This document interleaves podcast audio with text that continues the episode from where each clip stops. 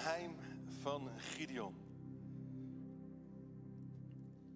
Oh, wat een heerlijk nummer is dat toch. Een oude rocker als ik vind het gewoon heerlijk. Maar goed, niet iedereen misschien. In ieder geval, het gaat mij niet alleen om, het, eh, om, om, om een ja, smaak. Het is geen smaakkwestie. Het gaat ook om de tekst en, en, en de sound. En, en wat het losmaakt, ook in de geestelijke wereld, zo'n nummer. Geweldig. En dat is belangrijk, want eh, we hebben te maken met een geestelijke strijd. Het volk Israël uh, had, had, had dat ook, en nog steeds trouwens natuurlijk. Maar um, ze moesten ook echt fysiek strijden. Dat was nogal wat. En Gideon had daar alles mee te maken. Gideon, ik zou willen zeggen van een loser in een leider en van een lafaard in een strijder. En misschien voel je vanmorgen een loser. Misschien voel je je vanmorgen een lafaard. Maar God kan het omturnen. God kan het veranderen. God kan het omkeren. Hoe kan een niemand in een iemand veranderen? Een gewone boerenzoon zien we veranderen in een nationale held. Een gewone man gaat ongewone dingen doen.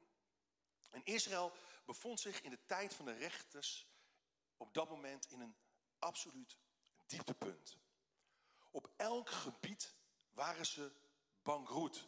Geestelijk, economisch, moreel. En ik wil vanmorgen de tijd nemen om een aantal geestelijke lessen voor ons leven uit dit verhaal te halen. We gaan putten uit het woord van God. En uh, het is goed om uh, het woord van God ook te gaan lezen. Dus we gaan, we gaan echt een beetje, uh, nou, het is geen bijbelstudie, maar we gaan de tijd nemen om echt het woord van God te laten spreken. Even de context. Rechters. Wat, wat waren rechters?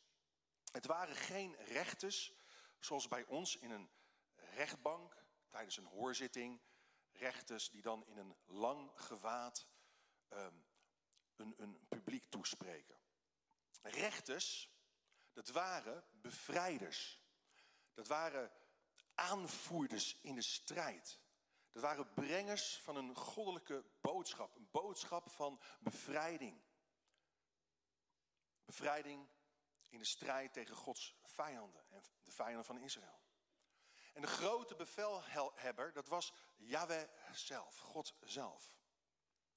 En we zien ook in het boek Richteren dat elke keer als iedereen ging doen wat goed was in eigen ogen en tegen de geboden, de leefregels van God inging, God toeliet dat de vijand het land binnenviel en Israël overweldigde. Elke keer. Als Israël ongehoorzaam was, liet God dus toe dat ze werden aangevallen. En zo kreeg hij het volk van Israël weer op de knieën en zond hij rechters of bevrijders die hen verlosten van hun vijanden. Er was ook in die periode nog geen koning over Israël. Maar God maakte dus wel gebruik van rechters, van bevrijders, van, van helden zoals Gideon en Simson, om het volk te leiden.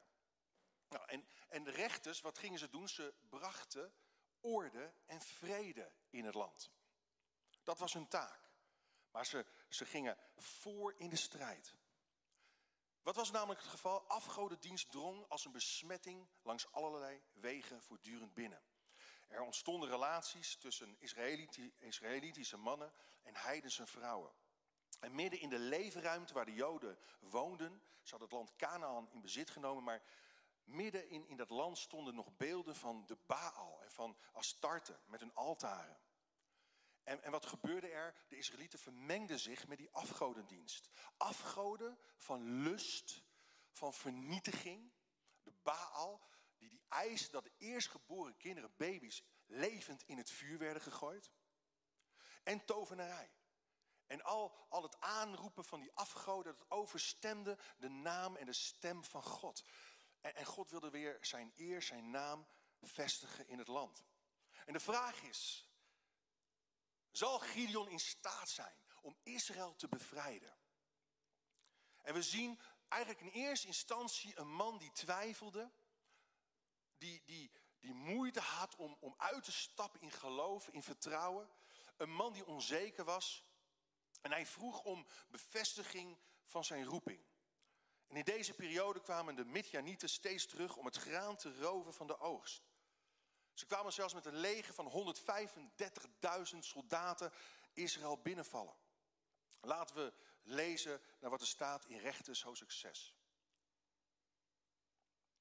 Lees mee. Elk jaar, wanneer het gewas op het veld stond, kwamen de Midjanieten, de Amalekieten en nog andere woestijnvolken en parasieten uit het oosten aanzetten en vielen ze Israël binnen.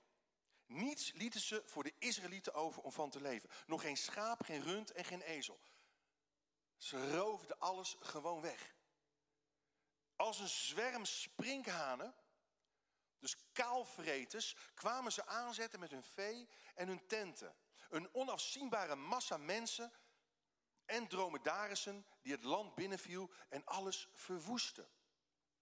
Dat is hoe Jezus ook de, de, de, de duivel beschrijft, de tegenstander van God. De geestelijke vijand van God en mensen. Hij is een moordenaar, hij is een dief. Hij komt om te slachten, om te verdelgen, om te roven, om te stelen. En door toedoen van Midjan verviel Israël tot bittere armoede. En het volk riep de Heer om hulp. Zie je daar even? En het volk riep de Heer om elke keer. En, en dan gaat God luisteren. En dan gaat God handelen. Lieve mensen, ik geloof dat vanmorgen we een woord hebben die, die voor mensen heel erg belangrijk is. Voor mensen die zich eenzaam voelen, ehm, die, die misschien zich zwak voelen, die zich machteloos voelen, onbekwaam. Kan God wel door mij heen werken? Let op, de vijand kwam dus elke keer wanneer de oogst, wanneer het gewas op het veld stond, wanneer de oogst nabij was. De vijand is vaak stil als er gezaaid wordt.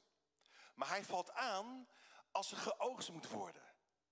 En de vraag is, wat zijn de kaalvreters in jouw leven? Midjan, hij viel Israël aan in de oogsttijd. In de tijd van de meeste opbrengst. Maar omgekeerd is ook waar. Wanneer we aangevallen worden, is de oogst kennelijk nabij.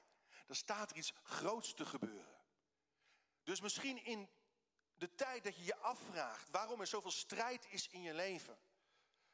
In de tijd waarin je misschien twijfelt over jezelf, moet je bedenken dat het misschien wel de tijd is dat God je aan het voorbereiden is op een heel groot werk. Dat je voor een doorbraak staat. Dus geef niet op. Nou, in die tijd werden mensen, de Israëlieten, gedwongen om zich in grotten en spelonken te verschuilen. Als de Midjanieten de vijanden aankwamen zetten. En Gideon, hij verschool zich in een wijnpers. Dus dat is wel opmerkelijk. Want dat was eigenlijk enigszins ook wel wat dapper. God zag dat. Terwijl iedereen in die spelonken zich had verborgen, in die grotten, in die holen, was Gideon eigenlijk al tevoorschijn gekomen, naar buiten gekomen, maar had zich wel in een wijnpers verstopt. Hij was in ieder geval uit zo'n hol gekomen. Maar wel in de wijnpers, zodat de vijand hem niet zou zien. Uit angst dat hij dus ontdekt zou worden. En ik denk dat, dat God ons tegen ons wil zeggen: trek je niet terug. Zonder je niet af. Maar kom tevoorschijn. En sluit je aan bij Gods volk. Waarom? Omdat God een groot werk voor ons allemaal heeft klaarliggen. God staat op het punt een doorbraak te geven. Misschien wel in je huwelijk, misschien wel in je bediening.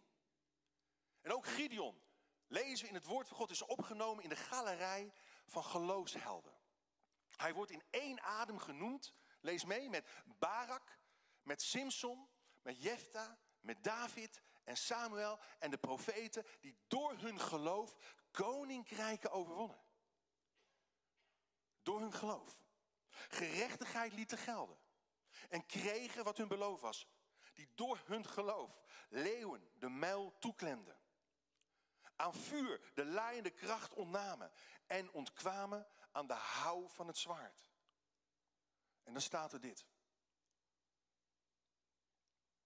Mensen zoals Gideon, zoals jij en ik, zij hebben in zwakheid kracht ontvangen. Daar kom ik straks op terug. In de oorlog machtige helden werden en vijandige legers op de vlucht joegen. In zwakheid hebben ze kracht ontvangen. Hij wordt genoemd als een van de helden die ons toespreekt vanuit die grote wolk van getuigen. Hij moedigt ons aan om de wedloop te lopen van het geloof en niet op te geven.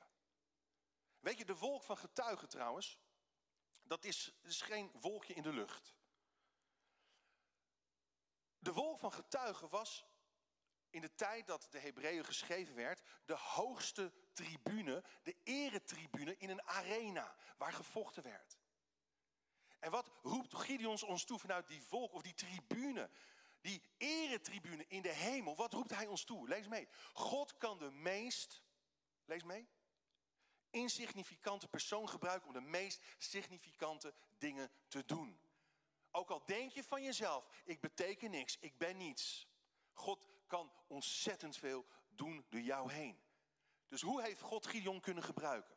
We gaan zien dat God hem procesmatig gaat veranderen van een onzekere angsthaas in een heldhaftige strijder. Een proces waarin een niemand in een iemand verandert. Een angsthaas in een kampioen. God transformeert Gideon. En God transformeert ons door vier ingrediënten te gebruiken in het proces van transformatie, van verandering en van vernieuwing. Lees mee, de ingrediënten in Gideons transformatieproces. Het eerste ingrediënt is deze, het ingrediënt van bemoediging.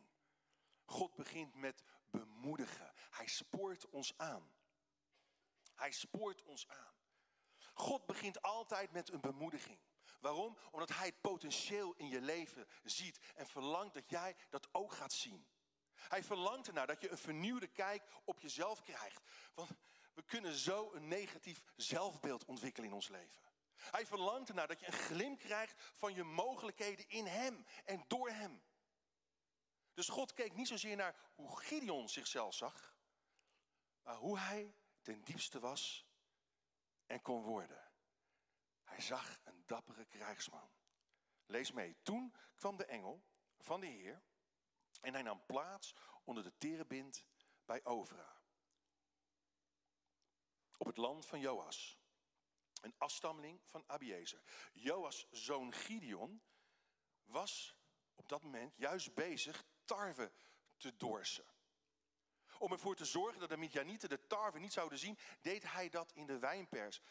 Maar de engel vertoonde zich aan hem en zei, de Heer zij met je. Dappere krijgsman, hij bemoedigt hem. Ja, Gideon had al zijn energie nodig om zijn hoofd boven water te houden. Hij was aan het dorsen. Hij probeerde brood te maken. Hij had honger waarschijnlijk. Had allerlei gevoelens ondertussen van zelfmedelijden en van, van twijfels over zichzelf. Hij was onzeker over zijn bekwaamheden en zijn mogelijkheden. Er was wanhoop. De situatie was uitzichtloos. De Midianieten hadden alles, alles kaal gevreten, om zo maar te zeggen. We zien dus hier iemand met een negatief zelfbeeld. Angstig en onzeker. Die gaat uitgroeien tot die nationale held. Is dat niet ironisch? Gideon is eigenlijk bang voor zijn eigen schaduw. En God ziet een dappere held in hem. God ziet ook in een dappere held in jou. Besef je dat? God zag iets in Gideon wat Gideon zelf niet kon zien. Wat zie jij? Hoe zie je jezelf? Zie je wat God ziet? Zoals we gezongen hebben. Of ben je verblind door de duisternis om je heen?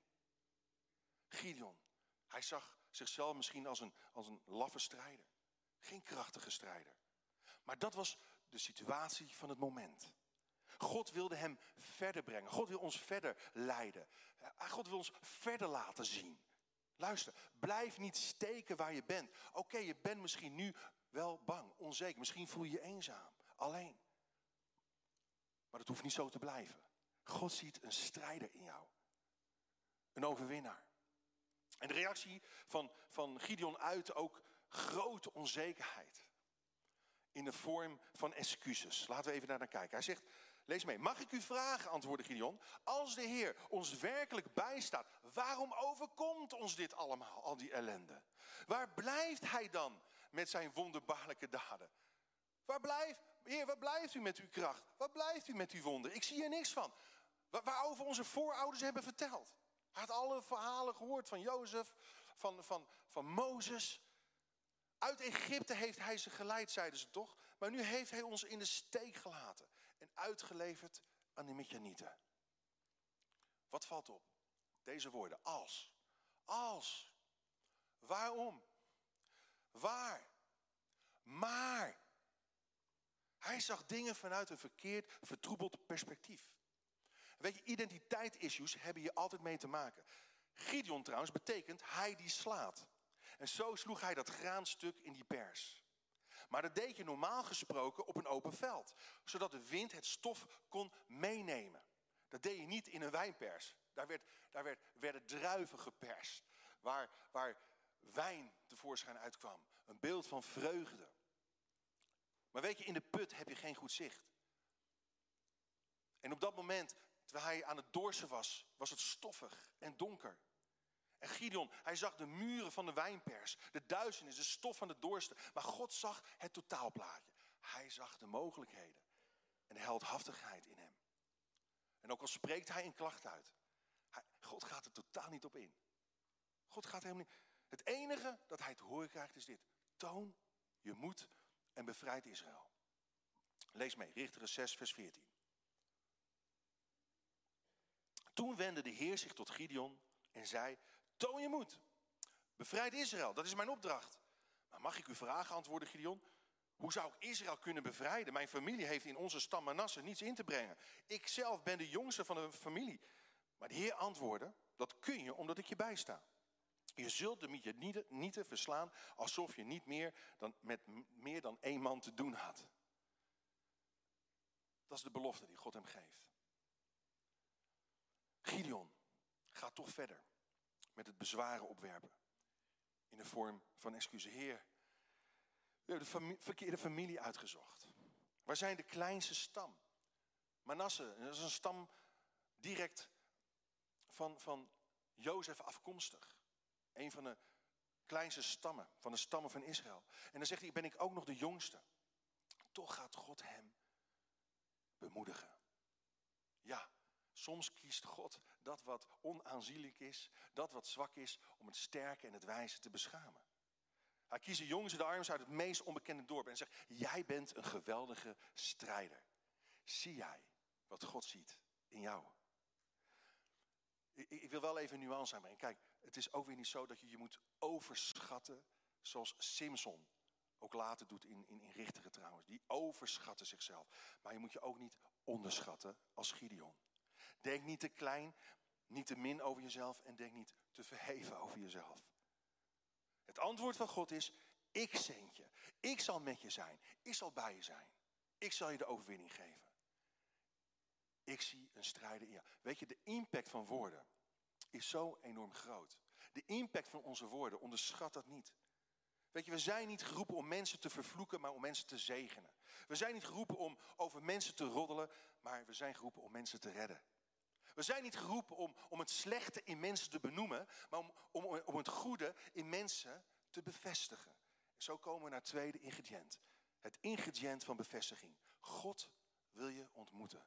God wil je aanraken. God wil zich openbaren aan je. God wil zich kenbaar maken. Weet je, als God iemand roept en verandert, dan begint hij met bemoediging. Maar het element van ontmoeting is onmisbaar. Geloof is namelijk geen religie, maar het is een relatie. En Gideon had een persoonlijke ervaring met God nodig. En wat doet, hij? Hij bouwt een altaar naar de openbaring van die engel. De engel van God. Waarschijnlijk een voorafschaduwing van, van Jezus Christus. En het altaar, dat is een symbool van, van toewijding. Het altaar is een symbool van aanbidding. Dit was een, een houvast, dit was een plek van herinnering. Het is de plek van ontmoeting met God en innerlijke vrede. Want we lezen dit. Nu begreep Gideon dat het de engel van de Heer was geweest. En hij zei, wee mij, Heer God, want ik heb ogen in ogen staan bij de engel van de Heer. Maar de Heer verzekerde hem, verzekerde hem, bevestigde, vrede is met u. Wees niet bang, u zult niet sterven. En toen bouwde Gideon daar een altaar voor de Heer en noemde het, de Heer Yahweh is vrede. De Heer is vrede. Is dat niet opmerkelijk? Waarom? Ondertussen valt de wereld in duigen om hem heen. Totale chaos. Gideon staat op het punt om de strijd aan te gaan. En dan zegt hij, de Heer is vrede.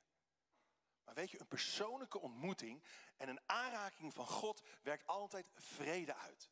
Vrede in je gedachten, vrede in je hart. Heb je vrede met God? Heb je vrede met je naaste? Leef je in vrede? Leef je in harmonie Met, zoek je de vrede na. Jaag je de vrede na. Weet je, al zijn de omstandigheden bedreigend. Al maken ze je onzeker en angstig. Gods vrede kan in jouw omstandigheden komen. Wat de uitkomst ook is van je, van omstandigheden. Gods vrede is als het oog van een tyfoon. Daar is het stil, daar is het sereen, daar is het rustig. Dus ga staan in het centrum van Gods wil, want dat geeft vrede. Ga naar het altaar. Ga naar, ga naar daar waar de, naar de plek van ontmoeting, waar je God kunt. Geef jezelf, geef je lichaam als een heilig, welgevallig offer over aan God. Weet je wat was het geheim van Gideon? Lees mee. Het geheim van Gideon was dat hij uitstapte in de vrede van God tegenover de vrees van de vijand. Tegenover de vrees voor de vijand. Mijn kwalificatie, luister goed, mijn, jouw kwalificatie, maar ook mijn kwalificatie om God te kunnen dienen, is gelegen in het feit dat Hij mij geroepen heeft. Dat Hij mij gezalfd heeft om te doen wat ik doe. God, ik sta hier niet omdat ik zoveel talenten heb, want die heb ik helemaal niet, zoveel. Ik sta hier niet omdat ik zo intelligent ben, want ik, ik ben helemaal niet zo slim. En ik zal je eerlijk zeggen, ik vind het lastig om dat te zeggen, maar elke keer voordat ik, dit podium opga, ben ik onzeker. Voel ik me onzeker. Onzeker om te spreken, onbekwaam, onbekwaam en onbehagelijk. En elke keer zei Heer, waarom moet het nou? En dan moet ik bidden om de vrede van God. Heer, kom met uw vrede mijn hart. Geef mij uw vrede om te doen waartoe u mij roept. Weet je, God wil je vrede geven over wie je in Hem kunt zijn. Dus kijk niet naar wat je niet hebt of niet bent, maar kijk naar wat God al aan je gegeven heeft. En voordat je naar buiten treedt, als het ware, voordat je God gaat dienen, zoals Gideon, de ga staan in de vrede van God. Door in de wil van God te gaan staan. Weet je, de moeilijkste fase is het derde, de derde fase, het derde ingrediënt. Dat is deze. Het ingrediënt van beproeving. God reinigt me. Dat is, dat is misschien wel de meest lastige. God gaat namelijk Gideon beproeven. God beproeft ook jou en mij en ons. We gaan door het vuur van beproeving heen. Of we het leuk vinden of niet, maar dat, dat heeft een doel. En dat doel is reiniging, loutering, zuivering. God beproeft Gideon. Lees mee.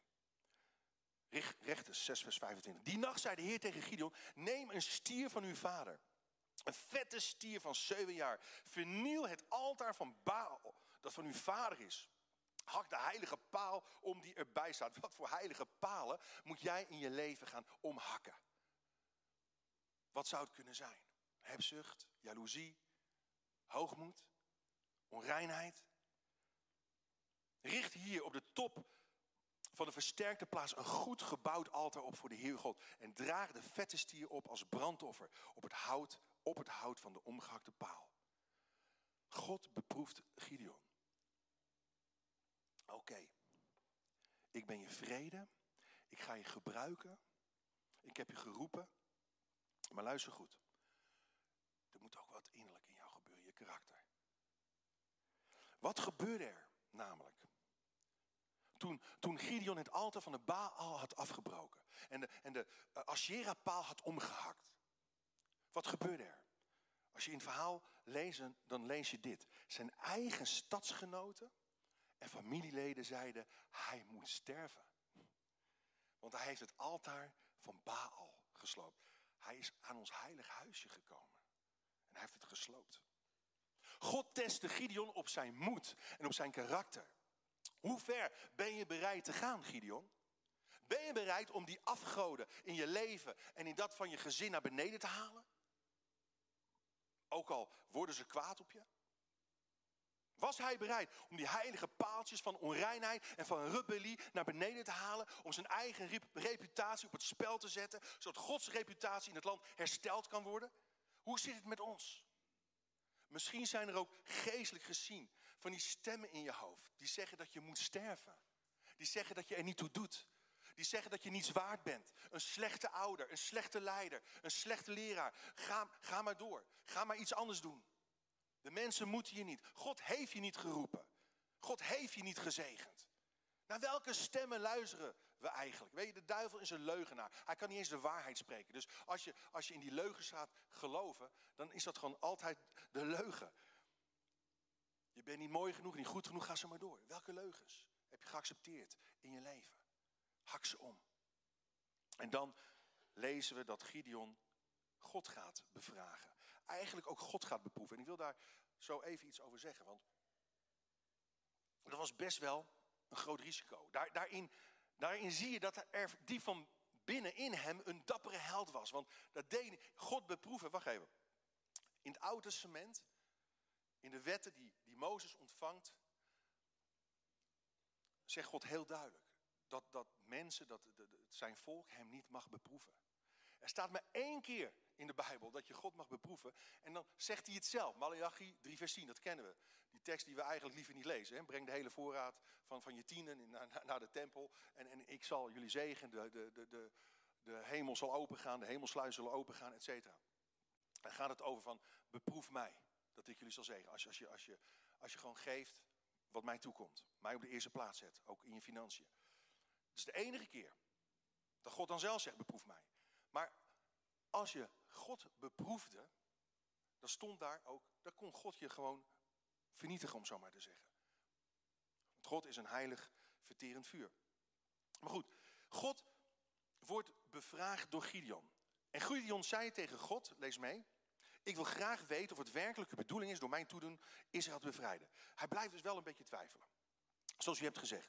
Daarom leg ik hier op de doorsvloer een volle vacht een vlies, een volle vacht. En hij zegt, als er morgenochtend dauw ligt op de wol, terwijl de grond eromheen droog is, dan weet ik zeker dat u inderdaad door mijn toedoen Israël zult bevrijden. En zo gebeurde het. Maar het was nog niet genoeg. Hij bleef twijfelen. Hij was onzeker. Dus vroeg hij opnieuw om een bevestiging. En hij zag een volle vacht op het veld liggen. En, en we lezen dit. De volgende morgen wrong Gideon de wol uit. Er kwam water uit, wel een kom vol. Toen zei Gideon tegen God, u moet niet kwaad op me worden. Dus hij wist, dit was link wat hij deed. Zo God op de proef stellen. U moet niet kwaad, ik wil niet zeggen dat je geen teken mag vragen aan God. Hè? Dat, dat wil ik er niet, niet. Maar dit was echt een, een beproeving naar God toe. U moet niet kwaad, als ik nog één keer aandring, maar ik wil nog een laatste proef nemen. Nu moet de wol droog blijven en de grond eromheen nat zijn van de dauw. En die nacht deed God wat Gideon had gevraagd. De wol bleef droog en de grond eromheen werd nat van de dauw. Apart verhaal, vind je niet? Wat heeft dit nu eigenlijk te betekenen? Wat, wat heeft dit te zeggen? Toen alles rondom het vacht droog gebleven was, was de vacht nat van de dauw. En toen alles bevochtigd was, was het vacht droog gebleven. Wat betekent dat? Nou, het uitgezette vlies, die vacht, was eigenlijk een beeld van het volk Israël. En de dauw of de droogte van de nacht betekende de invloed van de omgeving. Met andere woorden, het volk van God moest en zou onafhankelijk van de omgeving zichzelf worden en zichzelf blijven. Anders dan anderen. Israël moest zich niet laten beïnvloeden door de omgeving, maar zich onderscheiden ten opzichte van haar omgeving. Het moest anders zijn dan anderen. Israël moest tot zegen zijn voor de omringende volken. En niet samensmelten met. Wij, wij, zijn wel in de wereld, maar niet van deze wereld. Ze moesten als de dauw zijn, die de vacht bevochtigde. Om zo de aarde rondom te kunnen bevochtigen. Weet je, in Hosea 14, vers 6 staat: Ik zal voor Israël zijn als de dauw, zegt de Heer. De dauw brengt namelijk vrucht voort. De dauw brengt overwinning en zegen voort in het land. Met andere woorden, een thermostaat en geen thermometer. Ook voor ons geldt dit. Maar gij geheel anders, zegt Paulus. Gij hebt Christus leren kennen. Laat daarom uw vroegere manier van leven, van denken, van praten. Laat het varen. En leg de oude mens af, die door, door bedrieglijke verlangens geleid wordt, de ondergang tegemoet gaat. Vernieuw uw geest en uw denken door de dauw van God. Door de dauw van God. En dan komen we naar het laatste ingrediënt toe. Is dit niet mooi? Het ingrediënt van bewapening. Na de beproeving komt de bewapening. De toerusting. God rust mij toe. Uit onszelf zijn we onbekwaam. maar in God zijn we bekwaam. Waar zijn we zonder Gods kracht? Het is altijd God die ons bekwaam maakt voor de opdracht waartoe Hij ons roept. En, en na de bemoediging, in de, in de roeping, en de bevestiging, en de beproeving, komt de toerusting. God is het die het willen en werken in mij uitwerkt. Dus luister.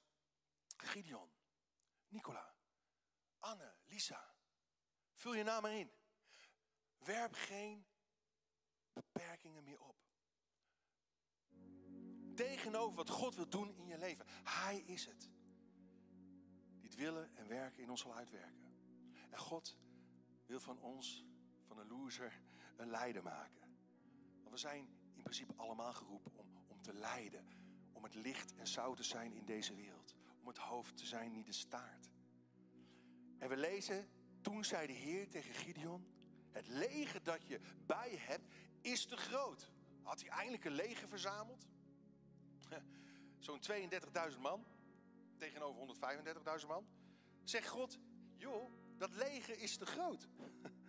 ik, ik lever de Midjanieten niet aan jullie uit, want ik wil niet dat Israël zich erop beroemt dat het kruis zich op eigen, dat het zich op eigen kracht heeft bevrijd. Maak daarom bekend dat iedereen die bang is kan vertrekken. Dat was trouwens ook een wet ehm, in, een van de wetten van Mozes dat wie bang was om de strijd te gaan, die mocht naar huis gaan. Waarom? Omdat angst besmettelijk werkt. Angst werkt, werkt, we hebben het gezien in de pandemie hoe, hoe ongelooflijk bang mensen kunnen worden. Maar God heeft ons niet een geest van lafhartigheid gegeven, maar van, van kracht, van liefde en van bezonnenheid. Dat wil niet zeggen dat je niet verstandig moet zijn en niet voorzichtig moet zijn. Maar God gaat het leger van Gideon uitdunnen. En van de 32.000 soldaten bleef er 22.000 over. Lees mee. Maar de Heer zei tegen Gideon: Het leger is nog steeds te groot. Dat vind ik zo mooi. Wat, heeft God toch een aparte humor en een strategie. Ja, nou, nog steeds te groot. Laat je manschappen, dat vind ik ook mooi, naar het water gaan. Naar een beek daar zal ik voor jou een keus uit hen maken. Ik zal je zeggen wie er met je mee moeten gaan en wie niet. Dus niet iedereen kon zomaar even meegaan, die strijd ingaan. Waarom niet? Dat wil ik uitleggen. Maar wacht even hoor. Uh, God, is het leger nog steeds te groot?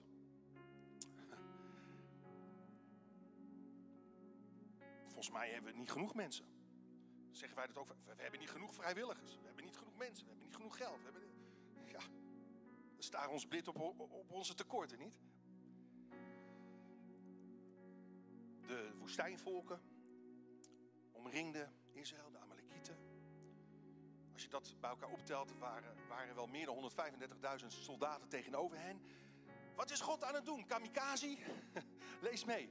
Dan zegt God, met die 300 man die het water met een tong oplikten, zal ik jullie bevrijden. Door hun toedoen zal ik Midjan aan je uitleveren. De rest van het leger kan naar huis terugkeren. Er bleven 300 soldaten. 300 helden. Weet je, God zocht mannen die niet alleen dapper van hart waren, maar ook mannen die waakzaam waren. Die waakzaam waren. Want om, met, om, om, om het water met je tong op te likken, moet je met beide handen op de grond gaan liggen. En bij een verrassingsaanval ben je volledig de klos. Maar als je het water opschept met je hand, dan kun je met je andere hand bij je zwaard. En dan lig je niet helemaal voorover gebukt, voorover gebogen, maar dan ben je op je knieën. En als er dan een verrassing komt, ben je klaar. Gewapend voor de strijd. Met andere woorden, zijn wij waakzaam? Zijn wij alert? Zijn wij op onze hoede? Nemen wij de wapens van God op om weerstand te kunnen bieden en stand te kunnen houden tegen de listen van de duivel? Of leggen we alles neer, argeloos?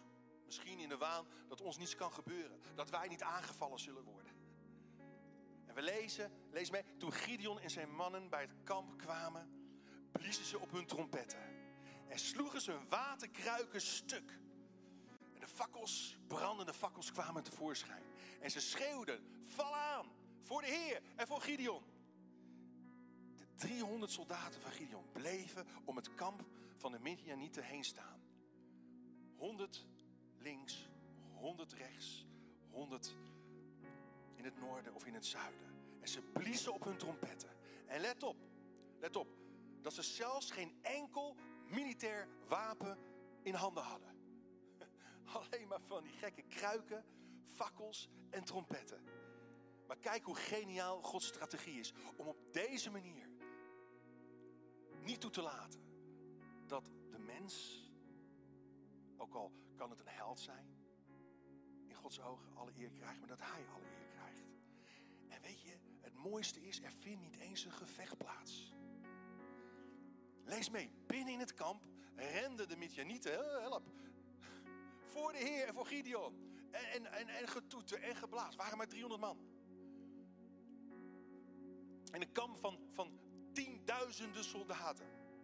Ze begonnen heen en weer te rennen, tegen elkaar te vechten. En daar zorgde de Heer allemaal voor. En ze vluchtten weg, terug naar het oosten, waar ze vandaan kwamen. Weet je, brandende fakkels en stuk geslagen kruiken waren voldoende om verwarring te stichten in het kamp van de vijand. En God versloeg op die manier de vijand. Weet je, Paulus zei het volgende. In 2 Korinthe 4 vers 7. Maar wij zijn slechts een aardenkruik. Wij, wij zijn zo'n kruik. Wij, wij zijn zo'n aardenkruik voor deze schat. En dan verwijst hij naar de kennis en de glorie, de heerlijkheid van God en zijn licht. En dan zegt hij, het moet duidelijk zijn dat onze overweldigende kracht niet van onszelf komt, maar van God. Wij zijn een aardekruik, kwetsbaar, breekbaar. En, en als we gebroken worden, dan mag dat licht kracht en de glorie van God stralen. Misschien juist, want, want Paulus zei ook, ik zal niet roemen in het vlees. Ik zal alleen nog maar roemen in het kruis. Waar ik met Christus gekruisigd ben. Maar ik weet ook dat ik met Christus verrezen ben. En dan kan de kracht van de opstanding door mij heen werken. Want in Hem ben ik krachtig, al voel ik me zwak. In Hem ben ik sterk, al voel ik me onbekwaam. Heel kort een paar meenemers. Even als finishing touch. Een paar en dan gaan we God aanbidden. Dan gaan we, gaan we God laten werken in ons midden. Zullen we dat doen? Ik geloof dat God aan het werk meenemers. Om onzekerheid te overwinnen. Verander je godsbeeld. Allereerst, verander je godsbeeld. Weet je, we kunnen een verkeerde indruk of beeld van God hebben ontwikkeld. Oh, in onze tienerjaren of zelfs laat op oudere leeftijd nog. Maar weet je, God verandert niet in zijn liefde voor jou. David zei in Psalm 59, vers 18: Mijn sterkte, voor u wil ik zingen. Mijn burcht is God. De God die mij trouw blijft. Is dat niet mooi? Kom maar, kom maar, laten we, laten we, laten we het team aanbidden. We gaan, we gaan God aanbidden. Heel, heel, nog, nog een meenemer. Verander je godsbeeld. Of laat je godsbeeld veranderen. En dan zie jezelf ten tweede zoals God je ziet. Hoe ver je kunt gaan met God. Luister goed. Hoe diep je kan groeien in je geloof wordt niet alleen bepaald door wat je gelooft over God. Het wordt evenzo bepaald door wat je gelooft over jezelf. Vat je hem? Hoe, hoe kijk je naar jezelf? Misschien vind je jezelf niet mooi, niet leuk, niet goed genoeg. Lig je overhoop met jezelf? Denk je minder waardig over jezelf? Gideon zag zichzelf als de minst gekwalificeerde persoon om Israël te bevrijden. Hij voelde zich de zwakste, de jongste, niet in tel, niet invloedrijk. Hij was niet bijzonder getraind in de krijgskunde. Maar weet je, al denk je min over jezelf, dat hoeft niet langer. Want je bent een geliefd kind van God. En door jezelf omlaag te halen bewijs de wereld geen dienst. Nelson Mandela, zei dit. We zijn geboren om Gods glorie die in ons is te laten stralen. Zoals die kruiken. Amen. En dan ten derde. Omring je met mensen die je zien zoals God je ziet. Zullen we gaan staan? Zodat we ook het gevoel hebben, hé, we zijn omringd. Met de juiste mensen hier. We zijn omarmd met armen van eeuwige liefde, maar we zijn ook omringd met mensen die jou willen zien zoals God je ziet. Vermijd mensen, luister goed, vermijd mensen. Heb alle mensen lief, zegen alle mensen. Vermijd mensen die je naar beneden halen, die onderuit halen. Je identiteit kapot willen maken. Weet je, de juiste relaties helpen ons te definiëren wie we zijn en wie we zullen worden. En door de hele schrift, door de hele Bijbel, zegt God tegen jou: Je bent het zout, je bent het licht, je bent geliefd, je bent begenadigd, je bent kind van God, je bent koninklijk, je bent priesterlijk, je bent geroepen, je bent gezegend, niet vervloekt, je bent een overwinnaar, je bent geen opgever. Gideon, hij groeide op. Weet je waar hij mee opgroeide? Met de familiezegen van Manasse. En ik wil dat meegeven aan jullie. De familiezegen van Manasse, van de stam van Jozef. En dan komen we de dauw van God weer terug. En zien we weer terug in die zegen. Zo, Deuteronomie 13, vers 13. Dit, dit was de familiezegen waar hij mee opgroeide. Waar hij groot mee werd. Dat moest weer bevestigd worden, die dauw. Die dauw, weet je nog? Met dat vlies. Mogen de Heer zijn land rijk zegenen met de gave van hemelwater. Met dauw en met de overvloed. Met al wat de zon laat groeien. Met de zegening van de jaargetijden. Maar de oogst was kaal gevreten. Het vee werd geroofd. Hij kon het even niet zien. Maar hij moest zich weer bewust worden van die familiezegen. En God wil jouw familie, we hebben het gezongen, ook zegenen. De naam van Jezus over mijn familie. Met al wat de zon laat groeien. Met de zegening van de jaargetijden. Met de weelde van oeroude bergen. Met de gaven van eeuwige heuvels. Met al wat de aarde te bieden heeft. Mogen de Heer zijn land rijk zegenen. Met dauw. En door jou heen, door jouw familie heen, de rest van de aarde bedouwen en zegenen. Zullen onze hoofden buigen, Heer. Oh, Heer Jezus, ons ogen sluiten. Heer Jezus, dank u wel. Ook als mensen thuis kijken, ook mensen in Heerenveen. God wil jou bedouwen. God wil weer frisse, nieuwe dauw geven. Over je leven, over je werk, over je gezin, over je familie. Heer Jezus, dank u wel dat u dezelfde bent, gisteren, heet tot in eeuwigheid. Dank u wel, Heer Jezus, dat u de grote strijder bent. De Heere, de Heerscharen, de aanvoerder. U bent Yahweh, die voor ons uitgaat. Heer, dank u wel, Heer Jezus. Dat u mensen op dit moment wil oprichten, wil aanraken. Oh, dat altaar, die ontmoeting, die ervaring met de levende God. Die persoonlijke touch van God is zo belangrijk. Heer, we zijn fakkeldragers. We zijn kruiken, Heer, die kwetsbaar zijn. We kunnen het niet in onze eigen kracht. Maar in de naam van Jezus kunnen we het doen. Kunnen we de vijand overwinnen. Oh, zijn de, de duivels ondergeschikt aan die naam van Jezus. De demonen, ze geloven en ze sidderen. Oh, in de naam van Jezus, kom met uw vrijheid. Oh, kom met uw geest. Bedouw ons met uw heilige geest. In de naam van Jezus. Richt de zieken op, ook die thuis zijn. Oh, in de naam van Jezus. Heer, richt de zwakken op. Bemoedig ze, inspireer ze. In de naam van Jezus. Heer, breng degenen die van u zijn afgedwaald weer terug. In de naam van Jezus, onze kinderen, onze kleinkinderen. Oh Heer, ik leg de naam van God op een ieder van ons. In Jezus' naam. Halleluja. Halleluja. Laten we aanbidden.